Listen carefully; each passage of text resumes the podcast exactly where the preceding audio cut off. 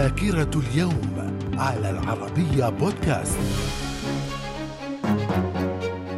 أهلا بكم وفي ذاكرة الحادي والعشرين من نوفمبر من العام 235 البابا أنتيروس يعتلي كرسي البابوية خلفا للبابا بونتيان ليكون البابا التاسع عشر للكنيسة الكاثوليكية. وفي العام 1248 سقوط مدينة إشبيليا كبرى الحواضر الأندلسية في يد ملك مملكة قشتالة فرناندو الثالث. وفي العام 1789 ولاية كارولاينا الشمالية تصادق على الدستور الأمريكي وتم الاعتراف بها كالولاية رقم 12 من الولايات المنضمة. من الذاكرة. ومن ذاكرة الحادي والعشرين من نوفمبر في العام 1949 الجمعية العامة للأمم المتحدة توافق على استقلال ليبيا مع وحدة أراضيها. وفي العام 1991 انتخاب المصري بطرس بطرس غالي أمينا عاما للأمم المتحدة ليصبح أول أمين عام من دولة عربية. من الذاكرة. في العام 1995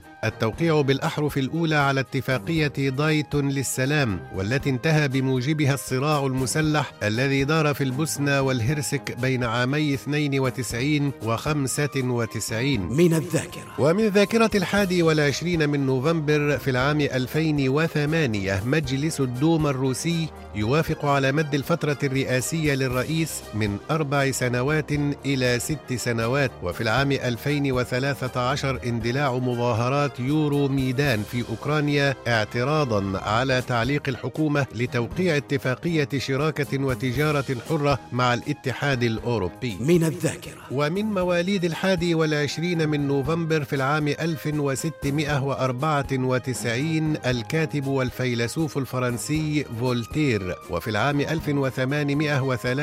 1853 ولد السلطان حسين كامل سلطان مصر. وفي العام 1935 ولدت المغنية اللبنانية الشهيرة فيروز. وفي العام 1948 ولد العماد ميشيل سليمان رئيس الجمهورية اللبنانية الثاني عشر. من الذاكرة. في العام 1916 توفي فرانس يوزف الأول إمبراطور الإمبراطورية النمساوية المجرية وفي العام 1935 توفي إبراهيم هنانو زعيم وطني سوري وقائد الجهاد الثوري ضد الفرنسيين. وفي العام 1995 توفيت ليلى مراد الممثلة والمغنية المصرية الشهيرة. من الذاكرة. وفي الحادي والعشرين من نوفمبر من كل عام يحتفل باليوم العالمي